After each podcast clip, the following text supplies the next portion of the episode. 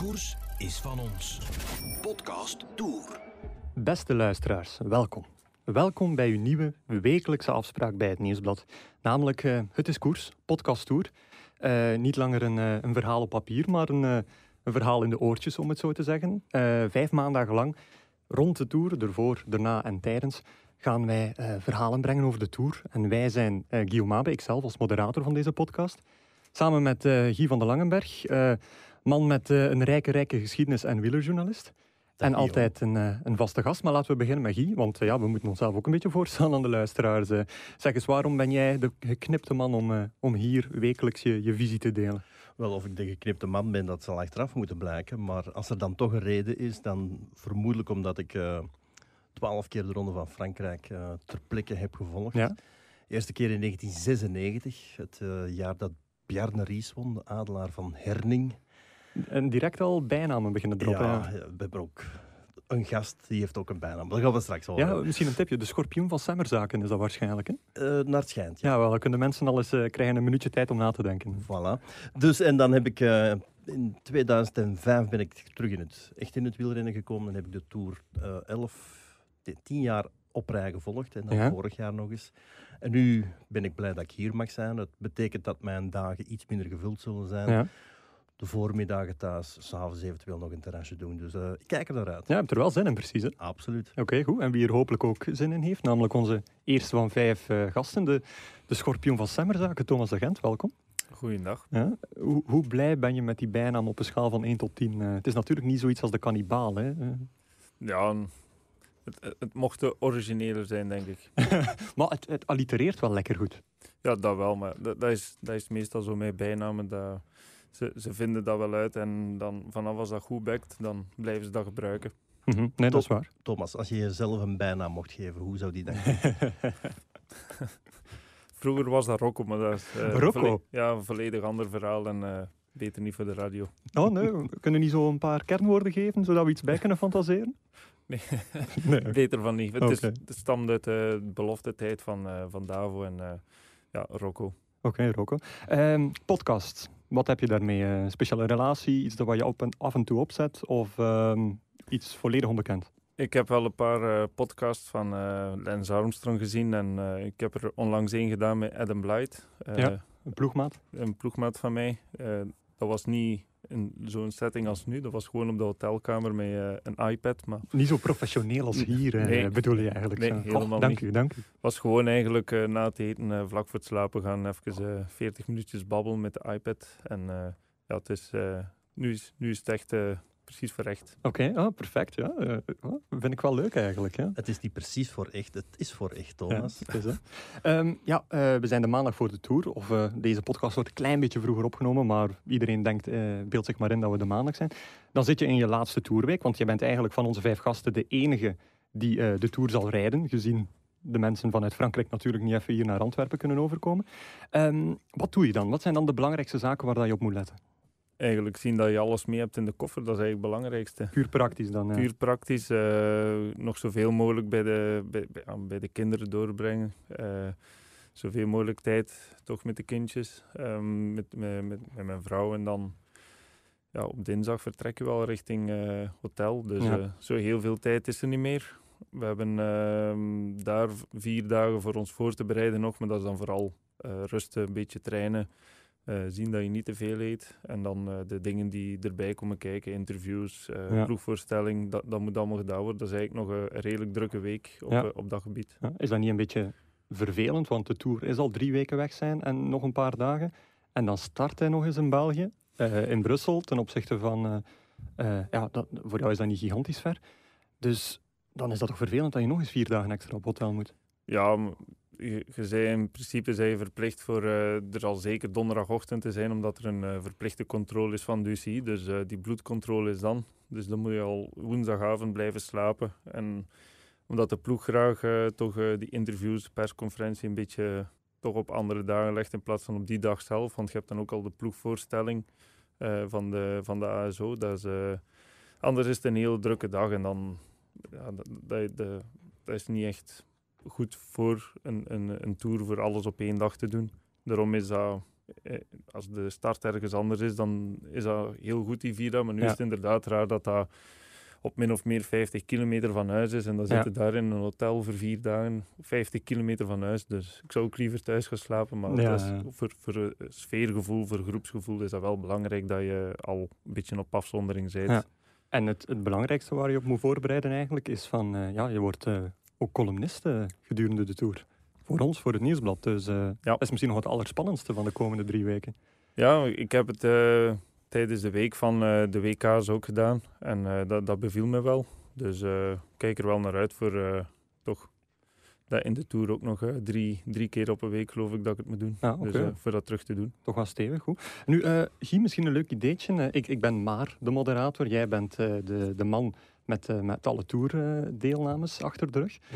Um, misschien is het leuk om wekelijks een klein quizje te doen over de gast. Um, om te zien dat je, dat je positie hier toch wel, wel waardig bent, nee? Ja, shoot. Ja, oké. Okay, drie korte vraagjes over, over Thomas. Um, hoeveel etappenzegers heeft hij in de Tour? eentje. Hoeveel etappenzegers heeft hij in alle grote rondes samen? In elke grote ronde één, want hij behoort tot de selecte club van de, de mannen die in alle grote rondes gewonnen hebben. En volgens mij was het overal één. En ik zal zeggen Stelvio, uiteraard. Ja. Weet iedereen nog. Mont Ventoux of, of Chalet Renard. Gigon in de Ronde van Spanje. Jezus Christus. Voilà. Ja. Oké, en uh, ik, ben, ik ben echt een beetje uh, onder de indruk. Hè? En uh, hoeveel, hoeveelste toerdeelname wordt dit voor Thomas? Oh, de eerste was 2011, dat weet ja, maar dat vraag ik niet. Hè? 2012 heeft hij zeker niet gedaan. Um, hm. Ik zou zeggen de achtste. Zevende. Ah, jammer, jammer. Maar twee op drie met toch wat extra weetjes, dat vind ik, uh, dat vind ik een, mooie, uh, ja, een mooie opener om uh, onze podcast definitief te laten starten. Mag je blijven? Jij mag blijven, ja. Prima. De tourmomenten die we wekelijks willen overlopen. Uh, eigenlijk een, een standaard rubriekje uh, dat we wekelijks willen doen. Uh, nu, um, de actua van de Tour is natuurlijk nog niet echt begonnen, gezien de Tour zelf nog niet begonnen is. Dus ik stel misschien gewoon de, de algemene vraag wat jullie het meest is opgevallen in de, in de voorbereiding naar de Tour toe. Dus Guy, ik zou zeggen, pik er één moment uit waarvan jij denkt van dit is wel een leuke om de komende weken in de gaten te houden. Wel, ik, ik, wil er niet één moment uitpikken, maar gewoon een tendens. Dat is de, toch wel de hoogconjunctuur van het uh, Nederlandse wielrennen.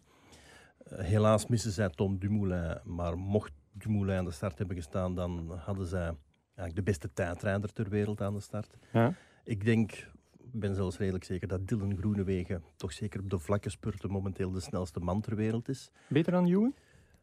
Ik denk dat Caleb bergop of een lastige aankomst uh, de maat kan nemen van Groenewegen, maar dat het echt vlak-vlak is, dat, uh, dat toch een beetje Holland boven is. Ja, zal ik je vragen naar de ploegmaat, of is dat, of is dat niet bon ton om uh, uw ploegmakkers te analyseren? Ik denk dat duidelijk is dat uh, Groenewegen Juwen al meer heeft geklopt dan omgekeerd. Dus, okay, ja, dus, dan is dat eerlijk om te zeggen dat Groenewegen sneller is. Maar als hij tweede snelste is en dan kan hem toch af en toe kloppen, dan zijn we ook blij. Ja, sowieso. Goed, maar uh, Nederlandse hoogconjunctuur, want ja, je zegt Dumoulin is er niet bij, dus ik denk eigenlijk van ja, wie gaat het nu doen uh, al, als klimmer?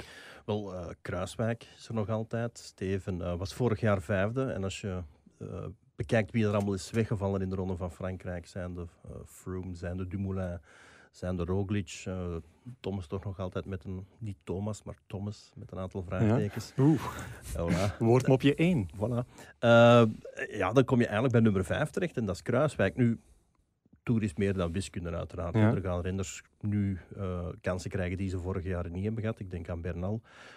maar Kruiswijk is iemand die, die zeker in staat moet worden geacht om ja, top 3 te rijden eventueel. Ja, en, en je zegt ja, die, die afwezigen, en ze, ze, vallen, uh, ze vallen als vliegen. Mm. En zeker op de gekste manieren, like bijvoorbeeld Chris Froome tijdens de, uh, ja, de prospectie van de tijdrit van de Dauphiné.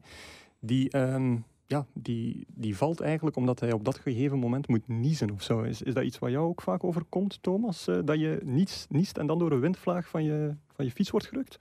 Niet bij niezen, maar ja, als je je neus moet snuiten of, uh, of zoiets, dan gebruikt je wel één hand. Uh, en als je dan net een windvlaag krijgt, ja, dan kan er wel iets gebeuren dat je zo'n snokje ja. krijgt. Maar ik ben professioneel genoeg om te weten dat ik dat niet moet doen in een afdaling.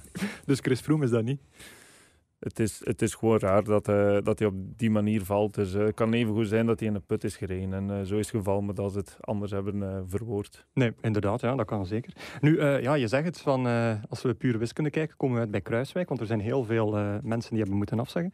Um, maar wie blijft er dan nog over? We hebben Yates, we hebben Kruiswijk, we hebben Pinot, Quintana, Mas, Landa, Vogelsang, Bernal uiteraard, Nibali, Bardet. Ja, uh, Thomas, wie is jouw favoriet daar dan uit? Want ja, we zeggen wel onthoofd, maar lijkt me toch nog een mooi lijstje om uit te kiezen. Ik denk dat het wel de kans is voor de mannen, zogezegd van de tweede rij, die dan normaal uh, tussen plek 5 en 10 zitten. Die, uh, ja, die hebben nu wel een kans om te winnen. En ik, ik, ik verwacht eigenlijk Nibali als, als winnaar, omdat hij het meeste ervaring ermee heeft en die denk dat hij zijn kans nu wel, uh, wel ziet voor nog eens een grote ronde te winnen. Ja, als je zegt Nibali, dan denk ik van, dan wordt het misschien niet zo'n mooie tour. Dan zal het misschien eerder op een diefje zijn en met een paar welgemikte spelden prikken. Ja, zij zijn Tour won een uh, aantal jaar geleden, was ook met vier ritoverwinningen geloof ja, ik. toen was hij dus, dominant, ja, klopt. Um, sowieso, ik denk dat nu degenen die uh, voor de overwinning gaan strijden, die zullen wel aan elkaar gewaagd zijn. Dus ik denk net dat meer spanning gaat geven en dat echt tot, uh, tot op het einde gaat duren, tegen dat er een duidelijke winnaar gaat zijn. Ja. Nu, hier je zegt um, Nederland boven. Uh, nu, België ook wel redelijk boven, denk ik. Maar ik denk dat we daar straks wel nog aan toe gaan komen. Mm. Maar geldt dat dan ook voor, uh, voor de Nederlandse ploegen? Like, uh, Jumbo.nl, die doen het wel redelijk, redelijk uitstekend. Jumbo-Visma is het nu. Jumbo-Visma, sorry. Ja, ja Jumbo-Visma... Ik hoorde onlangs nog iemand zeggen dat zij eigenlijk wel het, het nieuwe Sky aan het worden zijn. Het nieuwe Team Ineos. Team, team Ineos het vroegere Sky, dus qua begeleiding, qua, qua omkadering, uh, de, de hoogtestage, Sierra Nevada. Uh, Kies was daar met een aantal ploegmaats van, uh, van Thomas. En die hadden, dacht ik, uh, één soigneur bij. Ja. Terwijl Jumbo-Visma, ik had op een A...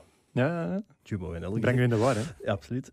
die waren daar met twee voedingsspecialisten, een eigen kok, ja. mechanieker, soigneur ja, ze zijn precies de standaard aan het zetten. En, en, en, je ziet het ook in de resultaten. Hè. Ik bedoel, Roglic heeft dit seizoen al, al redelijk veel gewonnen. Ja. Groenewegen heeft redelijk veel gewonnen. Wout van Aert in de Dauphiné, ja, dat, dat, was, uh, dat, dat, was een grote verrassing. En, en ook weer ja, het bewijs dat er echt wel heel goed werk wordt geleverd bij hen. Nee, maar je spreekt dan ja, over uh, ja, hmm. bij Jumbo, Visma, Visma Jumbo. Ik ben nu helemaal van de kaart daar gaat het allemaal goed, maar ja, Team Sunweb, is dan dat is, dat is toch wel een mindere eigenlijk. Hè? Dat gaat iets minder, ja. Dus het, het afvaken van Dumoulin. Uh, Kelderman heeft ook een moeilijk jaar. Uh, valpartij gehad. Enfin, het, het, komt er niet allemaal uit eigenlijk. Matthews, zwaar gevallen in de, de omloop het nieuwsblad. Ja. Is dat wel teruggekomen, maar precies toch ook niet echt op het, op het allerhoogste niveau. Dus, dus Wie is er daar nu de veelwinnaar eigenlijk? Seesbol. Wie? Seesbol. Seesbol. Ja, die, de, ah, ja, ja, die heeft een uh, Nokere Koersen gewonnen, zeker? Die wint Nokere Koersen, die wint de rit in de Ronde van Californië. En, uh, en het mooie aan Cees Bol is, die heeft een fanclub in Bouwel. Bouwel is een uh, gemeente bij Herentals. Ja. En die vonden dat zo'n prachtige naam, want zij vroegen zich af, is het nu Keesbol of is het nu Ceesbol? En in België aan de Nederlander, dat is een Keesbol. Dus, dus zij vonden dat zo grappig. Dan zijn ze naar Nokere Koersen gegaan en om Of Cees moreel te steunen, hebben ze eigenlijk redelijk veel geld ingezet bij de lokale hè, agentschappen waar je zo kunt, kunt wedden langs de, de kant van de weg. En die hebben er ook redelijk veel geld uh, mee gewonnen. En het mooie is, uh, Seesbol heeft in Nederland geen fanclub, maar wel eentje in België. En uh, zij zijn gisteren bijvoorbeeld naar het NK in Ede geweest, waar, waar Seesbol het Nederlands kampioenschap reed. Oké, ja. En misschien gewonnen heeft, want... Uh, dat weten we niet, hè? Dat weten we nog niet, maar mooi dat je dat direct doet alsof we maandag zijn. Dat ja, fantastisch. Hè? Nee, maar dat is toch weer typisch België, mm namelijk dat er dan een, een, leuke Nederlander is, like Fabian Cancellara of Peter Sagan. Hun eerste mm fanclubs zullen ook wel uit België gekomen zijn. Ik denk het wel, ja. In het geval van Fabian zeker. In het geval van Sagan ook wel, denk ik. En die heeft er zelfs meerdere. Dus, uh. wel, wel fantastisch. Ik, ik heb trouwens mm gezien, uh, wisten jullie dat er een um, Seesbol Classic is? Nee. Nee, nou, ik denk dat niemand dat weet. Maar dat is blijkbaar een, een rit van 195 kilometer, um, ja, gebouwd rond het trainingstochtje van Seesbol, dat hij samen doet met onder meer Niki Terpstra, onder meer Laurens ten Dam. Uh, en dat is ten, uh, ten voordele van, wat is het exact? Thai-slijmziekteonderzoek.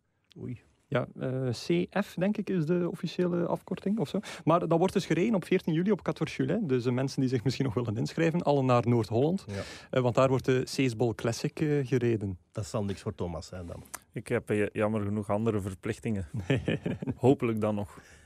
Waar situeren jouw fanclubs uh, eigenlijk? Uh, allemaal binnen België? Of, uh... Ik heb er geen enkele. Ehm, ik had er vroeger als, als jeugdrenner had ik er een, maar op, op den duur was het bij iedere overwinning kwamen ze vragen voor een, een, vat bier te geven. En, Oei, dus ja. zijn we ermee gestopt.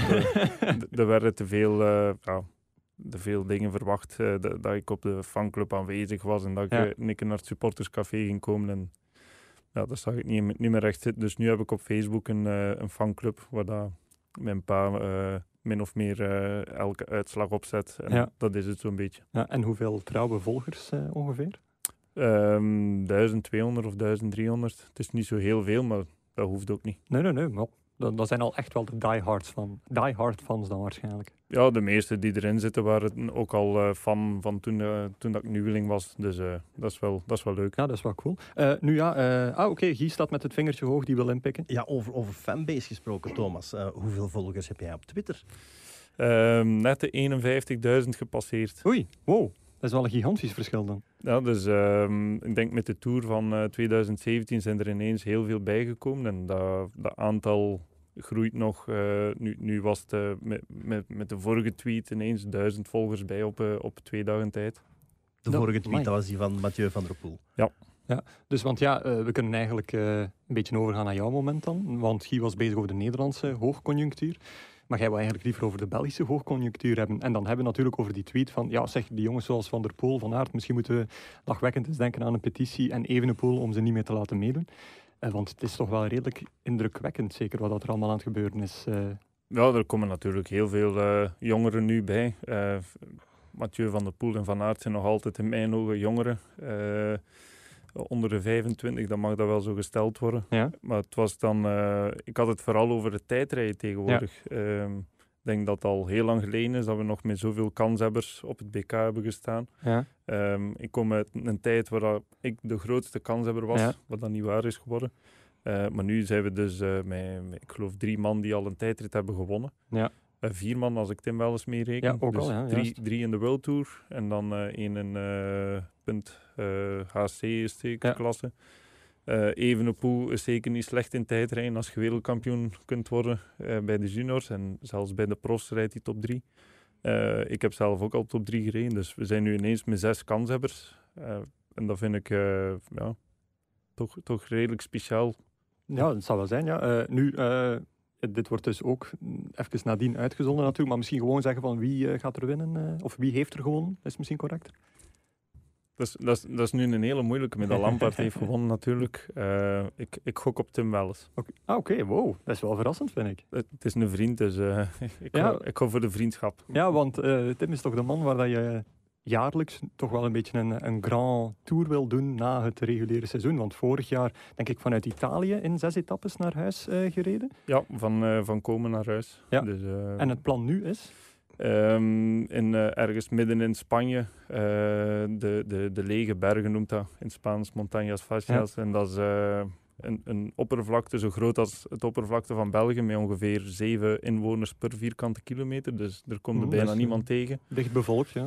En um, we, we hebben daar een route gevonden van bijna 700 kilometer, dat we nu ook in zes etappes gaan doen.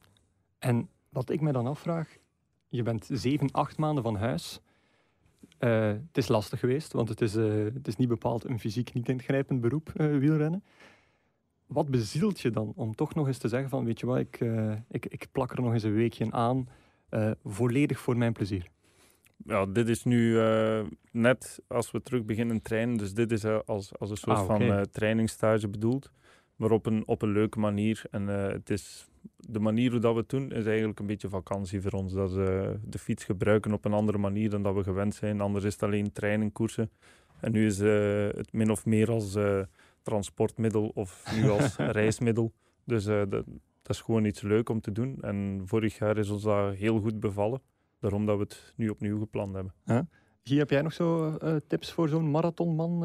hoe dat hij dat best aanpakt? Of, God, tips. Ik, ik, ik, kan, hem, kan hem nog aanbevelingen doen. Ik, bedoel, ik heb Thomas vorig jaar een boek gegeven uh, op de Vlaanderen over de, de Indie Pack. De Indie Pack is, een, is eigenlijk een wedstrijd in, in Australië. Die vertrekt in Fremantle, dat is naast Perth. Eindigt in Sydney aan het Opera House. En dat is een tocht doorheen de, ja, de, de outback van Australië. En ik, ik, dacht dat ik daar Thomas misschien wel een beetje inspiratie mee kon geven. En ik weet niet, heb je het boek gelezen al? Vluchtig doorgeblazen. ik ga meenemen naar de tour. Ah, voilà. Hè. Dus uh, dat is een collega van mij, Rupert Guinness, een Australische journalist. Uh, ja. Die heeft die meegedaan. Er heeft ook altijd een, een Belg die heel goed scoort, uh, Christophe van der Gaat, als ik het ja. goed voor heb. En die ken jij, als ik het goed... Ik, ik volg, volg, hem op Twitter en als, ik, als ik vragen heb over bikepacking, dan stuur ik hem een bericht. Bikepacking is de officiële naam, ja. En wat zijn zo dan de, de, gekke tips waar je op moet letten dat anders is dan, dan gewoon rijden? Ja, pak gewoon voldoende eten mee, sowieso al waarschijnlijk. Ja, bijvoorbeeld, uh, wat, wat, wat, eet jij uh, tijdens zo'n rit? Maar bij hem is het wel nog iets extremer. Onze langste rit was 200 kilometer ja. en ik geloof dat die van hem 450, 500 Oei, kilometer ja. zijn. Dus dat is, dat is al iets anders. Uh, maar hij heeft dus ook die, uh, in die pack race meegedaan. Dat was 5500 kilometer. En ja, hij deed dat in 13 dagen. Dus uh, dat is net iets meer dan 400 kilometer per dag gemiddeld. Jezus. Zij slapen ook amper, hè? Ja, waarschijnlijk denk ik, ja. En als ze slapen is, is het niet gewoon, mogelijk. gewoon aan de kant van de weg. Slaapzakjes uit, twee uur slapen en weer weg. Dus dat, dat is wel iets helemaal anders dan hetgeen dat wij doen. Wij worden rondgevoerd in bussen en we doen 200 kilometer in de Tour. Ah, okay, dat ja. is het, maar dat is uh, nog eens uh, een level hoger. En op je zesdaagse met Tim, wordt er dan uh, freestyle gekampeerd of toch een hotelletje opzoeken? Altijd van mij afgangen, dan hadden we een tentje mee en een slaapzak. Maar Tim is gesteld op luxe en die wil graag een hotel. Die, okay. mannen, die mannen die in Monaco wonen, dat zijn toch geen echte mannen meer? Ik ga hem nog proberen... ik ga hem nog proberen uh, overtuigen voor toch mijn tentje te gaan. Oké, okay, ja, misschien moeten we een oproep doen van Tim, pak je tent mee. Voilà. Dat, is, uh, dat is zeer belangrijk. Nu goed, uh, ja, die Belgen in de Tour, of, of het BK tijdrijden en de BK's nadien, maar ook heel veel Belgen in de Tour. Wie wordt eigenlijk de beste of wie gaat het meest succes halen? Want jij hebt een apart profiel, Greg van Avermaat heeft een ander profiel, Ties Benoot heeft alweer een ander doel. Uh, dan zijn er nog heel veel die ik vergeet, die waarschijnlijk op een andere manier uh, willen uitblinken. Wie, wie, gaat het succesvolst zijn of wie maakt het meeste kans om, om iets te pakken? Ik denk uh, dat uh, ja, Greg van Avermaat toch al de voorbije jaren heeft bewezen van uh, de beste Belg in de Tour te zijn. Ja. En hij maakt het meeste kans volgens mij op bijvoorbeeld gele trui dragen of een rit te winnen. Um, maar ik verwacht hem wel eens ook wel dit jaar. Hij heeft altijd last gehad van de warmte, maar hij heeft er ook al maatregelen voor genomen en geprobeerd om iets te vinden om er beter tegen te kunnen. Dus ik verwacht wel dat hij iets heeft gevonden.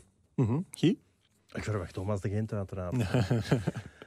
nee, uh, Zo slijmen zeg. Uh, kijk, hij, hij, was vorige week in de Vogezen um, een aantal verkenningen gaan doen. Want die eerste week is eigenlijk al knap lastig. Want er zitten eigenlijk twee pittige Vogezenritten bij. De La Planche de Belleville.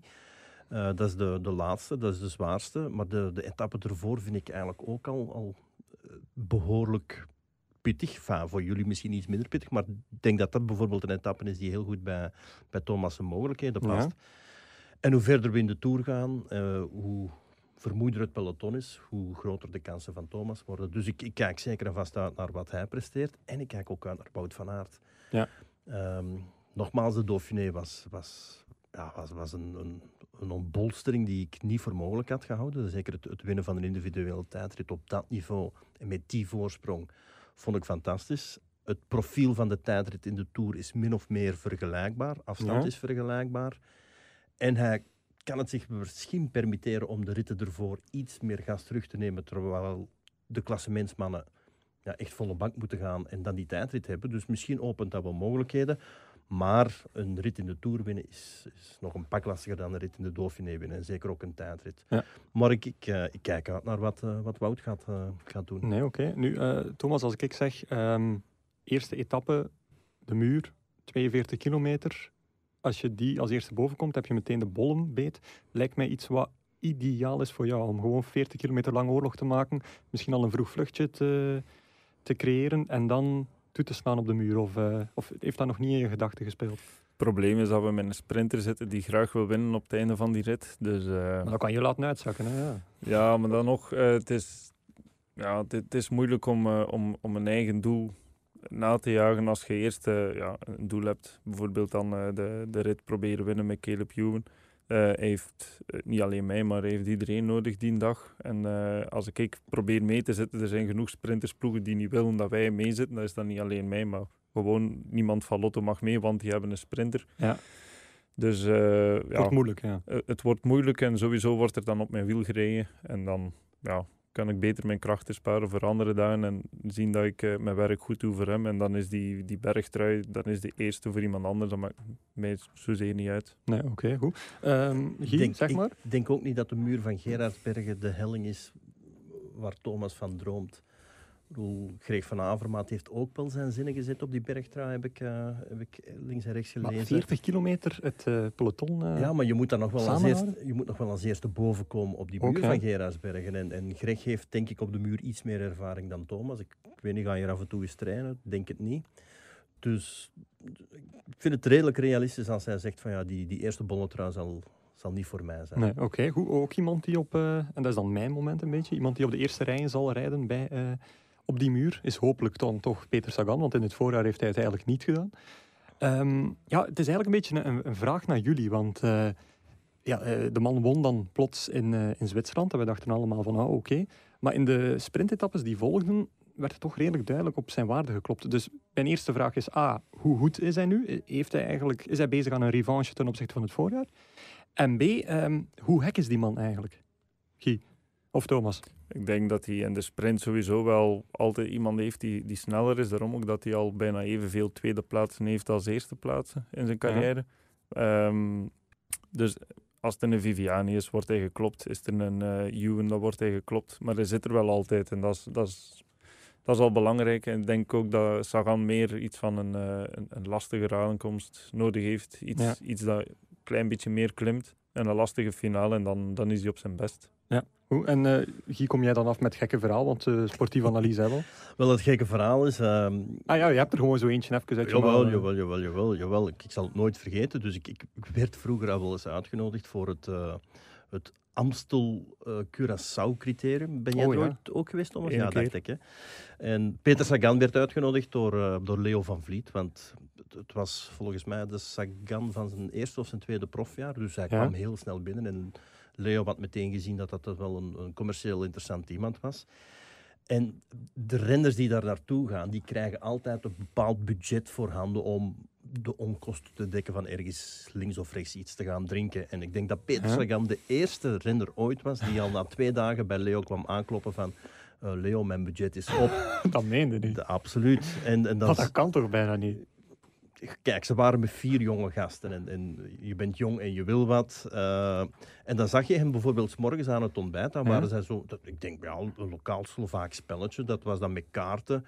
En dat was dan met sterke drank. En dan zag je eens morgens, ja wel, dan zag je eens morgens al, al toch ja, zal het een glas cognac of een glas rum. Maar dat, jawel, jawel, maar ik, ik keur dat niet af, Guillaume. Ik bedoel, er zijn momenten van inspanning en er zijn momenten van ontspanning. En als de inspanning hoog is, dan mag de ontspanning ook hoog zijn. En als dat voor Peter is de manier om zijn zinnen te verzetten, op dat ogenblik, hij was dan ook maar 21, 22 jaar.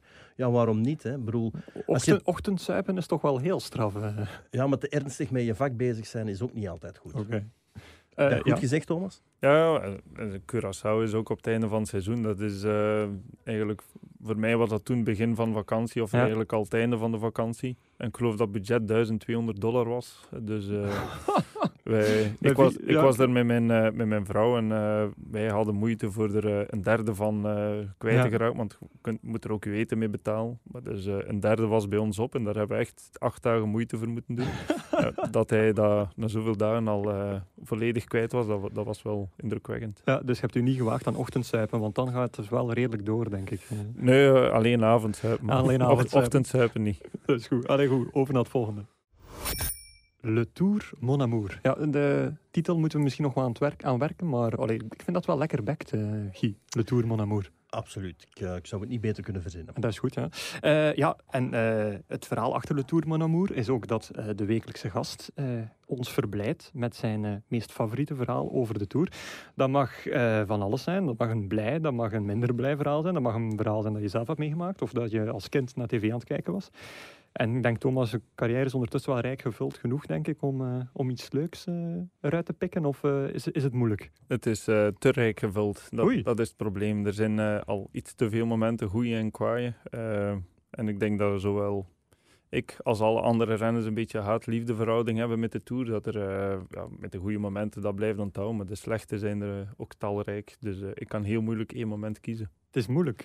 maar misschien kan Guy anders een voorzet geven. Goh, ja, van Thomas kan je ja, niet, niet meteen honderden verhalen vertellen, maar ik herinner me nog wel dat zijn, zijn eerste toerrit ooit in 2011 ja.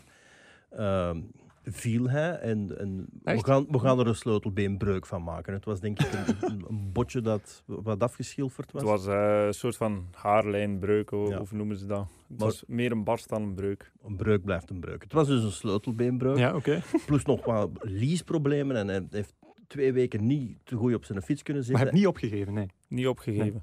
En hij is ervoor beloond, want op het einde kwamen ze uh, rit naar Alpe d'Huez en nog een afsluitende tijdrit in Grenoble. Die rit Alpe d'Huez, daar had je wel je zinnen opgezet, als ik het me nog goed kan herinneren. En uh, enfin, zinnen opgezet, het was wel een rit waarvoor je extra gemotiveerd was. En dan is hij echt in het gezelschap van de allerbeste omhoog gereden. En afhankelijk van het aantal renners dat geschrapt zijn, was hij toen vijfde of vijfde. Vijfde, voilà. Plus dan in de afsluitende tijdrit nog eens vierde, dacht ik. Een derde, na de schrapping van uh, Contador. Voilà. Om maar te zeggen dat het soms wel kan lonen om op je fiets te blijven zitten en de pijn te verbijten. Maar dat was zijn kennismaking met de Tour. En dat is ook van ja, je kan over zoveel je, je kan de Mont Ventoux zeggen. En wel even aangekaart voilà, en, en, en de Ventoux, het, het jammere van de Ventoux voor Thomas is dat er die dag zoveel is gebeurd. Hè. De, de vroom van de fiets naast uh, lopen zonder fiets. De aankomst die vervroegd werd, voilà, verlaagd werd. Dus, dus voor ons was dat een, een, een grote gebeurtenis dat Thomas won, maar internationaal werd dat natuurlijk overschaduwd door... Ja. Uh, door de fratsen van Froome. ik, ik zou toch eigenlijk spontaan in het geval van Thomas gaan voor het verhaal waar hij uh, vrouw verkiest boven Tour. Uh, wanneer was het nu ook alweer exact? 2012. En wat was het verhaal er nu ook weer achter voor de mensen met een minder goed geheugen zoals ik? Ik ben uh, geboren op uh, 6 november en uh, mijn vrouw is geboren op 30 maart. vandaar -huh. 30-6 dat we hadden genomen. En dat is op dat, dat, moment dat wij die datum kozen, was eigenlijk een week voor de start van de Tour. Dus we dachten, ja. ideaal. We gaan dan dat inplannen. PK was de week daarvoor nog. Um, en dan, eens dat alles vastgelegd was, kwam de melding dat de Tourweek vroeger was. Dat was dan ja. het jaar daarvoor. zeiden ze de week uh, de, week, de Tour wordt een week vervroegd. Ja?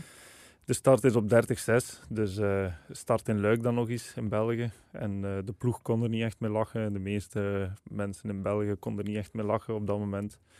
Um, maar uiteindelijk hebben we wel vastgehouden aan die datum en gewoon gezegd, we doen Giro en de Vuelteindeplaats. En ik denk dat dat geen slechte, geen slechte gedachte was. Dat was het magische Stelvio en derde plaatsjaar van de Giro uiteindelijk. Ja, ja, dan kon je wel al eens terug in België komen en zeggen van Iersie, ik heb toch allemaal je mooi mee gelijk gehad. Ja, het probleem was dat dan uh, na die Giro werd het alleen maar erger. Dan zeiden ze, nu ja. moeten we wel naar de Tour. Want als je derde wordt in de Giro, dan ga je dat zeker in de Tour worden. En uh, wat dat uh, helemaal niet logisch is als je eerst de Giro hebt gedaan, nee. dan ga je toch, toch iemand als ik, ga dan niet ineens in de Tour top 5 gaan rijden. Dus, ja.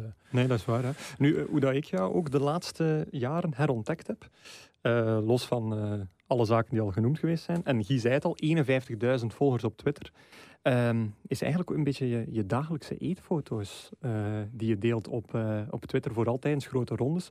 Waar dat je eigenlijk gewoon random ja, drie foto's neemt voor hoofdgerecht en dessertbuffet of zo. En zegt wat dat je gegeten hebt. Mm. Waarom? Uh, dat is ook alleen maar als we onze kok mee hebben. Carol Dobbelaar is, uh, is de kok van onze ploeg. En uh, zijn eten is altijd lekker en het ziet er ook meestal goed uit. Die foto's worden meestal door hem genomen, trouwens. Ja. Ah, oké, okay. die, die, trek je niet zelf? Nee, mijn, mijn, mijn fotokunsten zijn zo goed niet. Nee. Dus hij trekt die, die foto's zelf. en hij zegt mij wat dat hij gegeten heeft en dan maak ik er een tweet van. En dat was eerst iets om te, om te zien wat dat mensen ervan van zeiden, maar veel uh, ja, ik kreeg veel positieve reacties erover. Uh. Onmens populair is aan het worden, hè? toch heel veel retweets en likes. Ik denk ook wel dat veel mensen niet weten wat dat renners eten na, na een koers. Zeker in, uh, een koers zoals de Tour. Iedereen denkt dat wij gewoon ja, een kipfiletje met pasta ja. aan het eten zijn. Maar eigenlijk is onze, onze menu elke dag wel redelijk uitgebreid. Ja, en voor nu voor de Tour is de kok opnieuw mee? Ja, die dus... is opnieuw mee dat wordt opnieuw een, een heel relaas aan, aan buffetten uh, dat je ons gaat delen. Ja, in de Giro heb ik geen dinner tweets gedaan, omdat we elke dag effectief gewoon kip met rijst kregen of, uh, of pasta. Dus er, was, nou, er viel niet veel te tweeten. Uh, maar vanaf als we met de kok mee zijn, dan uh, maak ik er wel dinnertweets van. Oké, okay. hashtag dinnertweets. Hoe, hoe, is dat geweest in jouw twaalf toeren, Guy, uh, voor de pers dan? Want er is ook altijd een, een persbuffet natuurlijk.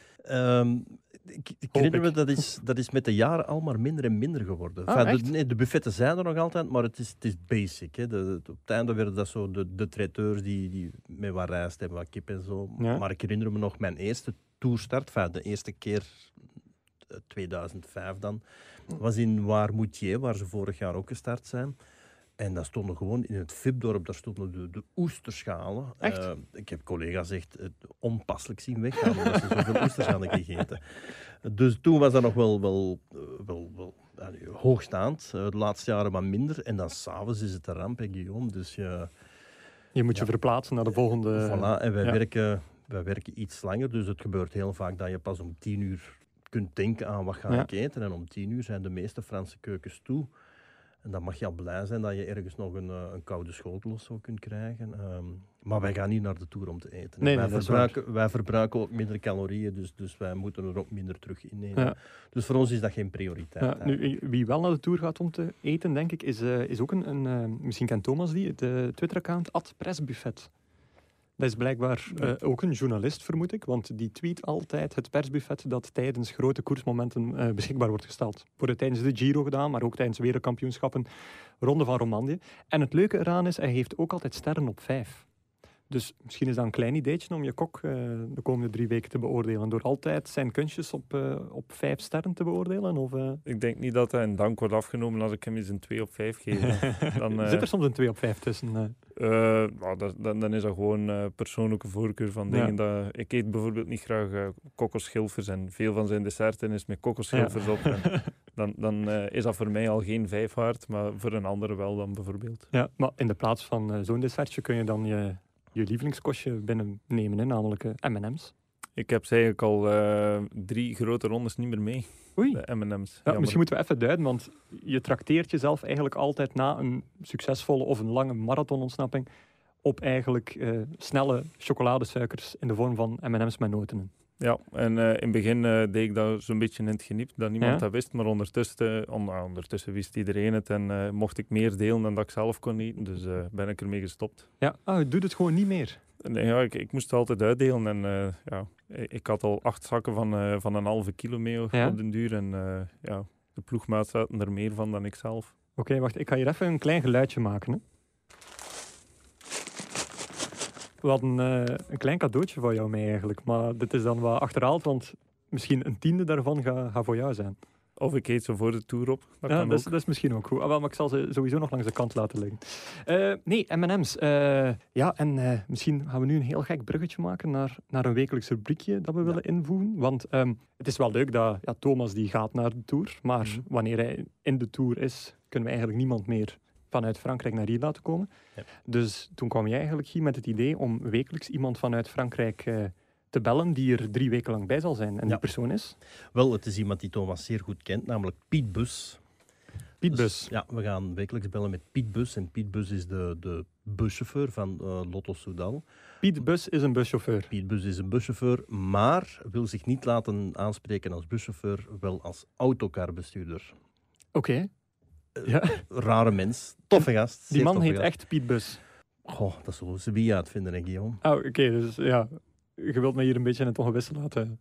Goh, de mensen op verkeerde been zetten is toch altijd een specialiteit van journalisten, dus we gaan dat meteen zo doen. Oké, okay, we zullen Piet Bus eens bellen om, uh, om te kennis, uh, kennis mee te maken. Voilà. Met Mario. Hallo, uh, is dit Piet Bus? Ja, ja, ja, zeker weten. Ah, zeker weten zelfs. Zeker weten. Uh, ja, uh, Piet, het is met, met, met Guillaume van, uh, van de podcast. ja. Wel, ehm, Guy wou niet zeggen of Piet Bus je echte naam is. Dus kun jij misschien daar eens direct al wat, wat duidelijkheid over geven? De echte naam is niet Piet Bus natuurlijk. Hè. Dus dat is een bijnaam die we door de jaren gekregen hebben. En, en, en hoe is dat gegaan, Mario? Dag Mario trouwens, want ik, ik was vergeten goeiedag te zeggen. Geen probleem, we zijn er gewoon van u. Hè, dus, ja. Dank u, Mario. Dank u. Zeg, hoe, hoe, hoe, hoe, zijn ze bij die, bij die naam? het is jouw artiestennaam eigenlijk, hè, Piet Bus. Ja. Ja, ik ben uh, eigenlijk een Mario Mielse. En Mielse is in Kasterlee er twee families. De familie Spak, zoals ze hier zeggen, en een familie Hollanders. En ik ben dan van die familie van de Hollanders. En dan is dat Piet. Want alle, alle Hollanders heten Piet, ja. Ja, nou, toch veel. En behalve Frans, die heet uh, Louis of zo. maar dus, uh, en dan uh, gingen we vroeger met de maten naar de rallycross. En dan tegen dat de koers gedaan was, dan bakte ik de hamburgers en dan was dat Piet McCain. Dan zijn we later gaan werken aan een telefoon en dan was dat Piet Bell. En dan zijn we met de bus gereden en is dat Piet Bus geworden. Hè. Dus ondertussen wereldberoemd in heel Kasterlee.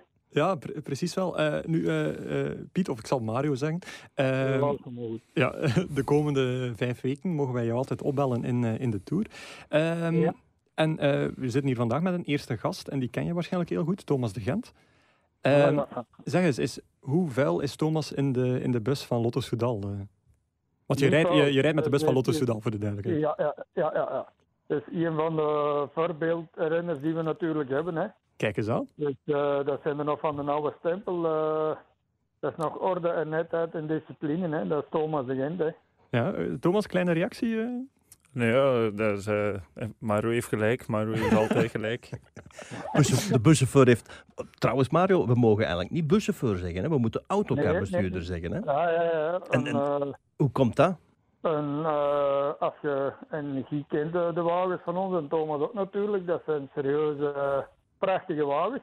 En dat zijn dus geen, uh, uh, moet ik zeggen, bussen die vol uh, met scharen staan en, en, en alles. dat is bij ons niet. Hè. Dat zijn kwaliteitswagens die heel, heel veel geld kosten. En dat zijn autocars. Hè. Dat is simpel is. Hè. Dus, ere wat ere toekomt natuurlijk. Hè. Absoluut. Ja, absoluut. dat is waar. Um, nu, uh, als Thomas zo'n voorbeeld is, wie, naar, naar wiens komst kijk je dan iets minder uit tijdens de Tour? Uh, wie durft er alles een papiertje achterlaten? Uh? Uh, dat kan ik liever uh, niet vermelden, denk ik. Maar die persoon zelf is daar wel van op de hoogte en die kijkt wel uit als ik in de bus ben. Ja. Ken, jij, uh, ken jij hem, Thomas? Mij moeten ze de hele dag niet naar de sportdirecteur luisteren, maar in de autocar is er maar één baas. Thomas, ken jij een tipje van de sluier oplichten? Of? Ik denk dat ik er een fietsreis mee ga maken op het einde van het jaar. en, ja, die komt wel in de buurt. Welke straffen staan op, uh, op vuilmakerij in de bus, Mario? nee, nee, nee. De straffen, dat gaan we niet doen. Hè. De, de, wij, wij zijn ervoor voor proper en alles te houden, maar respect komt altijd van twee kanten. Dus, Zeg, wat ik, wat ik mij afvraag, bestaat er zoiets als een boetepot? Ik bedoel, voetbalclubs hebben dat als er iemand met, met, met vuil schoenen komt trainen of is te laat op training of is te laat op een bespreking, die, die moet een boete betalen. Bestaat dat ook in, in, in de koers? Nee. Uh, nee. nee. Bij ons bestaat dat niet, want we zullen dat geld nooit niet opkrijgen. okay. oh, geweldig. Uh, nog een klein vraagje. Maar, uh, als Thomas toch zou beslissen om uh, M&M's mee te nemen naar de Tour, mag hij die dan braafjes in de bus opeten? Of, Ja, mag je die nog heel fris leggen ook nog voor hem. Ah, kijk, voilà, dat is goed. ah, ah, ja, dan zullen, we, dan zullen we zien hoe dat, dat loopt. Maar uh, je bent voor nu al vrij bedankt, Mario. En uh, dan horen ja. wij jou volgende maandag, en dat zal na het uh, Brusselse openingsweekend zijn, horen wij jou ja. dan terug met de eerste verhalen vanuit de toeren. Oké, okay, goed. Oké, okay, perfect. Merci. Hè. Mario, bye bye. bye. Ja, Mario, Piet Bus dus, een, een topbuschauffeur, Thomas? Ja, zeker. gelijk dat ik al zei, hij is heel proper. En ja. is ook gesteld op properheid. En het is, uh, ja, we moeten een beetje respect hebben ook voor de buschauffeur. Uh, zijn werk iets gemakkelijker maken door uw eigen rommel al eens op te kuisen. Uh, zien dat je niet te veel ja, papiertjes of blikjes in uw zetel ja. laat liggen. Um, dat, is al, dat is al mooi voor hem als hij dat allemaal niet moet doen. als je zijn werk iets lichter maakt, dan krijg je ook veel meer gedaan van hem. Ja, en uh, Tim Welles wordt echt nooit gestraft? Of die krijgt misschien een opmerking naar zijn hoofd gegooid? Of, uh... een, een, opmerking, maar ja, niet dat Tim uh, heel vuil is, maar ja, iets rommeliger. Iets rommeliger, ah, dat is mooi verwoord. Oké, okay, dan, dan gaan zeer, we... Zeer diplomatische uitspraak. Oké, okay, dan gaan we over naar het volgende. Thomas, ken jij Patrick Huigen? Nee. Ik zal, ik zal een kleine tip geven. Patrick Huigen is waarschijnlijk vanaf dit moment de gelukkigste mens ter wereld. En hij, is, hij wordt ook de kannibaal genoemd in zijn vak. En het heeft iets te maken met wielrennen. Nog altijd nee. geen belken. Nee, uh, Guy, uh, een tip? Of, uh, of Nee. weet jij het niet? Weet het ook ik, niet. ik weet het ook niet. Nee, eh, Patrick Huigen is de man ehm, die alle wielerprono's verslindt. En ze ook wint. Dus, eh, en het feit dat hij zo blij zal zijn, is, eh, dat, eh, is omdat Megabike terugkeert. Dus Megabike, het concept van het nieuwsblad, waarin we een groep renners mogen kiezen die dan de Tour of de voorjaarsklassiekers mogen, mogen betwisten. Daar was Patrick zeer bedreven in. Toen ik tiener was, keek ik altijd naar de eind- einduitslagen. En toen zag ik dat Patrick met 15 ploegen in de top 20 stond bijvoorbeeld. Dus de man stuurt er niet alleen heel veel in. Het zijn ook allemaal relevante ploegen. En die zijn huis staat nu vol met eh, de prijzen die doorheen de jaren zijn geweest. Hè. Eh, Reischecks van, eh, van 1000 euro waarschijnlijk en, en 100.000 fietsen.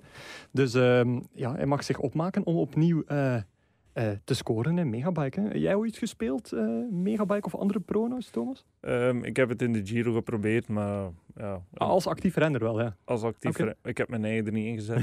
en uiteindelijk heeft me dat misschien een goede plaats op de, de laatste dag gekost. Dus ja, ik had eh, een mix van eh, sprinters en klassementsrenners, Ja. maar dat is eh, dus blijkbaar niet echt de, de, de goede manier om te proberen winnen. En wat is dan de goede manier? Oftewel alleen klassementsrenners, oftewel alleen sprinters, maar dan winnen de daguitslag, maar nooit niet eindklassement. Ah, Oké, ah, je bedoelt dus echt met, om toch een prijs binnen te halen. Ja, maar nu had ik, denk mijn beste positie was ergens rond de 300ste van alle ploegen en dan, ja, dan win je niks. Nee, dat is waar. Nee. Nu, het concept ehm, is, is lichtjes aangepast. Dus ehm, mensen kunnen vanaf nu surfen naar megabike.be, waar dat ze hun eh, ploegen kunnen insturen. 15 renners worden er eh, in totaal gekozen, waarvan je er 12 mag inzetten. En de drie die op de bank zitten, of eh, ja, in de bus zitten misschien, die, ehm, die mag je na elke rit opnieuw inbrengen. Bijvoorbeeld, nu zou het misschien stom zijn om wat klimmers voor de eerste etappes erin te zetten, of de eerste etappe toch. Die kan je dan vrij wisselen. Eh, voor die 15 renners is er een budget van 100 miljoen euro. De rituitslag telt, maar ook de einduitslag. En ook eh, als je truien draagt doorheen eh, de Tour. Ehm, er is ook een, een kopmansysteem, waarbij je elk jaar, elke dag iemand kunt aanduiden wiens punten met factor anderhalf vermenigvuldigd worden. De strijdlust levert punten op. Dus ehm, Thomas de Gaulle, moest hij een Fransman zijn, dan had hij gegarandeerd acht keer de strijdlust binnen eh, gescoord of binnengehaald de komende drie weken. En eh, er is in totaal een eindklassement, een rittenklassement, een bergklassement en een sprintklassement. Dus je kunt wel specifiek mikken op iets, op iets speciaals dat je zou willen winnen. Guy, gaan we daar een onderling wedstrijdje van maken? Absoluut. Oké, goed. Eh, maar we gaan het wel een beetje speciaal doen. Want allee, het is niet omdat ik het al gemaakt heb en omdat ik het wel leuk vind om te doen. Jij mag proberen met je topelftal zo hoog mogelijk te eindigen in de algemene stand. Mhm. En ik ga proberen een flop-elftal te maken waarmee ik zo laag mogelijk in de stand eindig. Guillaume, kleine correctie. Ja. Ik Ik, weet dat je een voetbaljournalist bent, maar het is geen elftal. Het is een- Sorry. Het is een, sorry, ja. een twaalftal, eigenlijk een vijftiental. En op, bij het voetbal zitten ze op de bank. Dat gaan we ook niet meer zeggen. Dus ze, zitten, ze zitten in de bus. Dus, dus, maar als we daarover eens zijn, dan wil ik de uitdaging aangaan. En ik probeer zoveel mogelijk punten te scoren en jij probeert zoveel, eh, zo weinig mogelijk punten ja te scoren. het, het ergste is dat ik het totaal niet door had dat ik een elftal aan het praten was. Voilà. Oké, nee, goed. Ehm, dus we maken een, eh, een top 15-tal en een eh, top of een flop 15-tal. En ja, ik heb hem stiekem al gemaakt, Guy. En wil jij een tipje van de sluier lichten? Ik wil mijn team wel al delen, want ik wil er wat duiding over geven. Want eh, het probleem is, je moet 100 miljoen kiezen. Mhm. En het zou natuurlijk gemakkelijk zijn door een team samen te stellen dat samen 20 miljoen euro kost. Dan, eh, dan ben je redelijk makkelijk. Nog makkelijker zou zijn om renners te kiezen die niet deelnemen. Zou ook heel leuk zijn.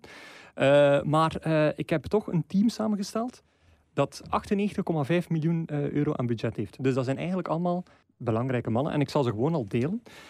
Namelijk, de mannen zijn Bob Jungels, Landa, Poort, Bilbao, Kwiatkowski, Rowe, Greipel, Latour, Woods, Cavendish, Pinot, Rui Costa, Bouhanni, Colbrelli en Thomas Gent. Nee, en eh Caleb Ewan. Eh, nu, voor het Caleb Ewan is wel apart, want ik denk oprecht dat hij eh, twee of drie ritzegers gaat pakken.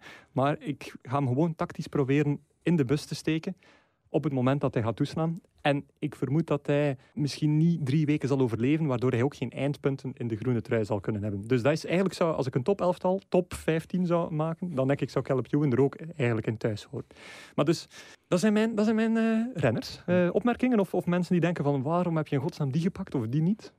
Ik denk dat Woods punten gaat scoren. Ja? Alhoewel, ze hebben Oran als klasse mensrenner. Dat zou misschien wel voor Oran moeten werken. Zitten eigenlijk heel veel goede renners bij die ik echt Ja, tactisch, eh, tactisch eh, uit de ploeg gaan moeten steken, denk Ja. ik. eh. Ja, maar veel goede renners, maar ook mannen met allemaal een kopman. Dus eh, dat zijn goede renners, maar eens dat die hun werk gedaan is, eh, zijn die weg. Gelijk Kwiatkowski is een hele goede renner, maar vanaf als die zijn werk erop zit, bergop, dan laat hij hem afzakken. En Perfect. Kijk, Thomas is volledig mee in mijn denken. Dat, Ja. dat staat mij heel, Maar heel bijvoorbeeld. Pierre Latour, oké, ze hebben Bardem, maar die heeft vorig jaar de Witte Trui gewonnen, als ik het goed voor heb. Ja, toch? Ja. Dus ik denk wel dat hij toch... Allee, dat zal niet de man zijn... AG de Weer gaat sowieso niet de ploeg zijn die, die eh, in de bergen het initiatief gaan nemen. Dus die gaat er ook zo lang mogelijk aan blijven hangen. Ja. En ik denk echt dat hij heel veel punten gaat scoren, die Latour. Ja, maar, maar we zullen zien. Ik, ik ga voor plaats, eh, wat, wat zal het zijn, ongeveer 16.000 of zo. Oké. Dus eh, ik, ik, mijn team heet ook Slechter dan Wim van Zevenand. Oei. Dus eh, dat, dat is eentje voor, eh, voor de kenners thuis waarschijnlijk. Ik heb mijn team Guy VDL genoemd. Wauw, bijster origineel. Ja, ik, ik weet het. Ik weet het. Eh, wie staat er daar dan in als, als stoppers? Ehm Oeran, alleszins. Ehm, Sagan, Calipjuwen, Groenewegen. Cosnefroy. Omdat Ja. ik, ik heb een, een, een concurrerende podcast gehoord met Concurrerende podcast. concurrerende podcast met Oliver Naassen en die tipt eh, Benoit Cosnefroy als een van, Ja, de, een van zijn ploegmaats. van de revelaties voor de, de komende tour. Kost 2,5 miljoen trouwens, ja, een koopje. Ja, oh god, je kent dat van buiten. Ja, ja. Ik kan niet zeggen dat ik stiekem ook een topploeg heb samengesteld. Ah, Oké. Dus, dus ja, dat, dat slag renners. eh, alleen maar toprenners uiteraard. Hoe, eh, heb jij misschien nog een, een dark horse, zoals we dat dan noemen, Thomas? Een dark horse? Nee, maar ik denk voor de hand liggend uh, Alaphilippe, die uh, Ja. zowel in ritten als bergtrui als groene trui waarschijnlijk ook nog kan uh, scoren. Dus, eh, Dikke puntenpakker, dat denk ik. Ja, dus eindklassement niet, maar de meeste etappes kan hij wel punten scoren, plus nog eens in de aanval. Dus strijdlust, Fransman, super strijdlust op het einde, Ja. Fransman. Dus, uh, Ja, ja dat is dat 1 lukt plus wel. 1 plus 1 plus 1 plus 1 is uiteindelijk dikke veel punten. Hè. Eh, als er mensen thuis zijn die nog suggesties hebben, eh, ja, de Tour is nog niet begonnen, dus misschien valt er nog her en der iemand uit en mogen wij dan ook nog onze ploeg aanpassen. Stuur die gerust naar podcast.nieuwsblad.be en dan komt het zeker terecht. Zo waren nog gekkere naam dan Le Tour Mon Amour, maar ik heb hier Guy Gazet staan. Eh, Guy, eh, kun, kun je dat misschien eens duiden wat dat exact gaat zijn? Dat is het begin van mijn eh, Gmail. Ja, ja, god, moet ik u nu mijn, mijn mailadres in het openbaar? Enfin, fans die willen mailen kunnen dat altijd naar uh, gigazet.gmail.com. Fans die willen mailen, geweldig. ik had, een, eh, goh, ja, ik, ik had uh, voor mijn Google-account had ik een mailadres nodig en ik heb mezelf Gigazet genoemd in de veronderstelling dat ik dat nooit zou nodig hebben. Maar nu begin ik het toch meer en meer te gebruiken. Dus, Oké, dus ah, ja, goed, maar alle fanmail dus naar daar. Maar Ja. eh, wat ik eigenlijk gewoon wou zeggen, van dit is de titel van het volgende rubriekje, Ja, omdat dat maar blij dat je ondertussen je mailadres deelt, Ja. omdat dat specifiek rond jou draait, hè, namelijk de 12 toeren ervaring. Ja. Gaan we eigenlijk op zoek naar, eh, naar een, een wekelijks verhaal dat al een beetje vooruitblikt naar wat gaat komen. Ja. Eh, dus als je een verhaal hebt over Tourstart of over Brussel of over iets anders, Wel, take ja, it away. Brussel uiteraard. Hè. Dus het is niet de eerste keer dat we in Brussel komen. Dus, ehm, we hebben een toerstart gehad in Rotterdam. Eh begon met een proloog en dan een etappe Rotterdam-Brussel. Gewonnen door Alessandro Petacchi. Vrij Ja. hectische finale, valpartijen. Maar dan komt de volgende rit en dat was Brussel-Spa. En daar was jij nog niet bij, dacht ik, hè, Thomas? Nee. Ja. Dus Brussel-Spa en eh, de tourorganisatie die stelt altijd eh, twee motos ter beschikking waar de schrijvende pers één keer tijdens de tour wordt uitgenodigd om mee te rijden. En aangezien ik voor een Belgische krant werkte, werd ik uitgenodigd om de etappe Brussel-Spa te volgen. En Eerste keer ooit. eh, op de Eerste keer ooit Tour. en enige keer ooit. Amai, oké. Ja, en ehm, we beginnen aan Koninkplein, dacht ik. En, ja, zeer mooi, brede avenues, veel volk in, eh, in de stad. Allemaal heel tof. Eh, op een gegeven moment komen we achter. We, deden niks anders dan pendelen hè, van de kopgroep. Er was een kopgroep ontstaan met Jurgen Roelands, met Sylvain Chavanel. En we pendelden tussen het peloton en de kopgroep. En we kwamen op een gegeven moment achter het peloton te zitten om ook de sportdirecteurs eens even gaan te groeten. hè. Mark Sergeant en Herman Friso en, en, en Wilfried Peters. En, en dan kwam er net een versmalling. En eh, als er een versmalling aankomt, en Thomas kan dat bevestigen, dan wordt het heel nerveus in een peloton. En het wordt wat meer uitgerokken. En Ja. achter die versmalling ging het terug open, de weg. En dan komt alles terug bij elkaar. Maar en passant wilden we eigenlijk al het peloton terug voorbij steken. Ja. En dan kom je eigenlijk in het bolletje vooraan. En daar zitten alle kopmannen. Want die zijn eigenlijk ook wel zenuwachtig. Ja. Dat was toen nog Levi Leipheimer en Lance Levi. Leipheimer bijvoorbeeld. Absoluut. En ja, je, je passeert echt op, op vijf centimeter van, van de renners. En dan vraag je je af, goh, als ik hier nu ene keer een, verkeerde beweging maak, ja, dan, dan schrijf je eigenlijk wel toergeschiedenis zoals je ze niet wil schrijven. Maar bo, die etappe gaat verder en het begint te regenen. En uh, we kwamen denk ik uit een heel droge periode. En als het dan de eerste keer terugregent, dan worden de wegen heel gevaarlijk. En uh, Andy Schlek valt, Frank Schlek valt. Uh, Uiteraard, zou je bijna zeggen. Vooraan rijdt Sylvain Chavanel weg van, van de rest van de kopgroep. En Fabian Cancellara ligt de boel lam. Ja. Uh, wil eigenlijk een soort neutralisatie forceren, opdat Andy en Frank zouden kunnen terugkomen, want anders was hun tour al, al verleden tijd. En zo gebeurt het ook. En Chavanel rijdt naar de ritzegen, pakt het geel. Jurgen Roeland sprint mee in de straten van Spa. Zou eigenlijk de groene trui genomen hebben die dag. Maar de spurt wordt geannuleerd. Dus de punten tellen niet mee. Dus geen groene trui voor Jurgen Roelands. Maar wat mijn verhaal eigenlijk was, was dat op, een kleine 20 kilometer van de finish moet die motaar plots ja, gas beginnen geven om op tijd in, uh, in Spa te zijn. In die afdaling? Ja, ik, ik weet niet bij welke helling het was. Ik denk de Rosier. Het, het, het, het, speelde ook geen rol. Maar uh, tegen 100 per uur die berg af. En je, ik voelde dus meermaals dat achterwiel ja, gewoon wegslippen. En je moest ook niezen, dus je werd van die motor... Ik moest, ik moest niet niezen. Ik, ik, ik, ik, had de tijd niet om te niezen. Ik had ook niet... Mijn hoofd stond toen niet naar niezen. Ik, ik, ben zelden bang, maar, maar op dat moment was ik echt... Uh, ik zeg, godverdikke, als dit maar goed afloopt. En eigenlijk, ja, je weet dat die piloot wel de controle heeft over zijn, over, over, zijn motto. Maar op dat moment dan begin je toch te denken van, goh, dit doe ik nooit niet meer. En, en ik vermoed dat er wel ergens remsporen te vinden zullen zijn geweest. Ja, uh, bij Motar of bij jou? Bij mij, absoluut. Uh... Oké, okay, uh, neutraliserende koers en ondertussen wat remsporen. Uh, Thomas, kan jij daar boven? Of, Nee. nee, ja, maar ik ken wel het gevoel van in de afdaling, dat ja.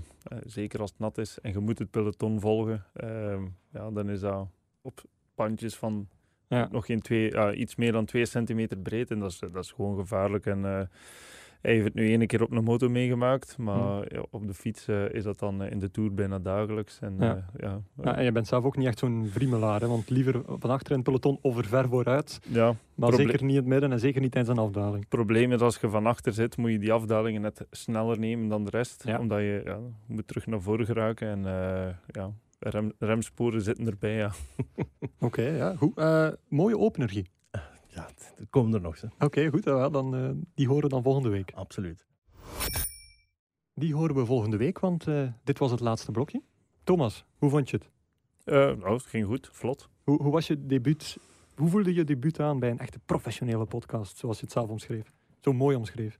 Ja, natuurlijk. Ik had al stress in de auto als ik naar hier kwam. dus het, het, is toch altijd nog een beetje zoals een, als een interview. En moet zien dat je niet, niet de verkeerde dingen zegt, maar het, was, het ging vlot. Ja, we waren op je gemak, denk ik. Ja, ja, dat wel. Guy, tevreden over onze eerste gast? Ik wel. Ja, absoluut. absoluut. Uh, we konden niet beter dromen nee, inderdaad, te beginnen. Nee. Dus, dus. Uh, ja, en we zullen nog eens de oproep doen om een officiële fanclub voor, uh, voor Thomas in het leven te roepen.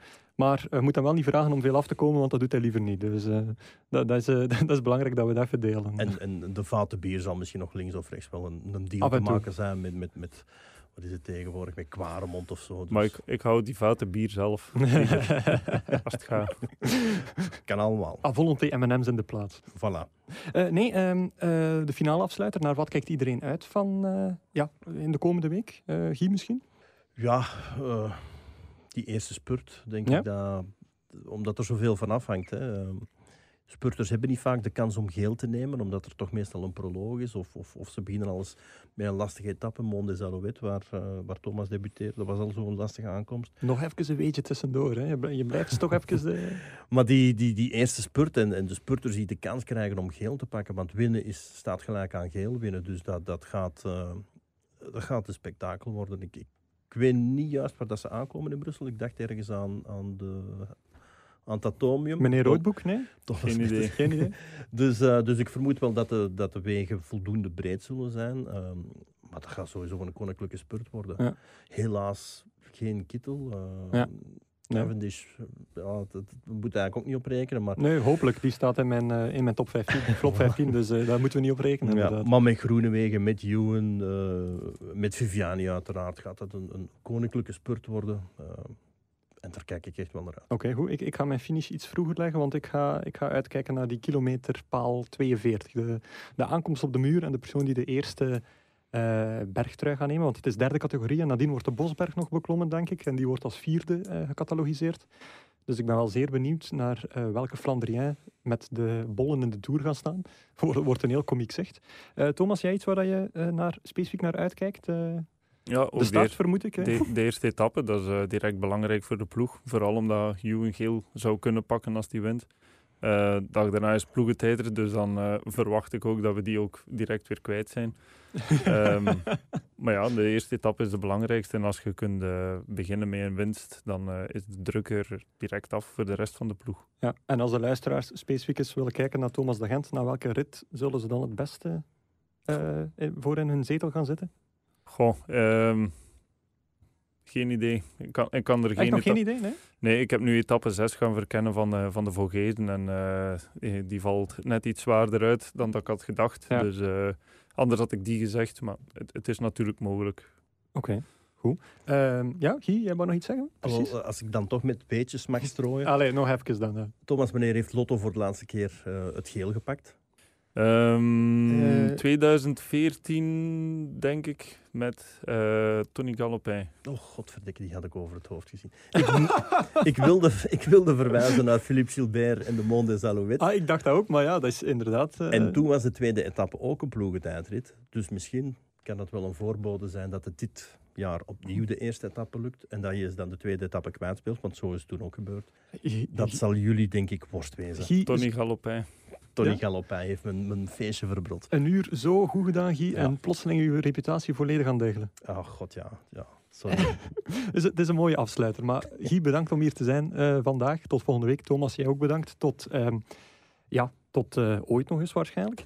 Uh, en dan ja, onze gast van volgende week. Kondigen we die al aan? Of, Ik denk het wel. Hè, dat, ja. dat, volgende week komt Dirk de Wolf ons verblijden ja. met zijn waarschijnlijk karrevracht aan verhalen. Dus daar kijken we zeker naar uit. Absoluut. Dus tot dan, beste luisteraar.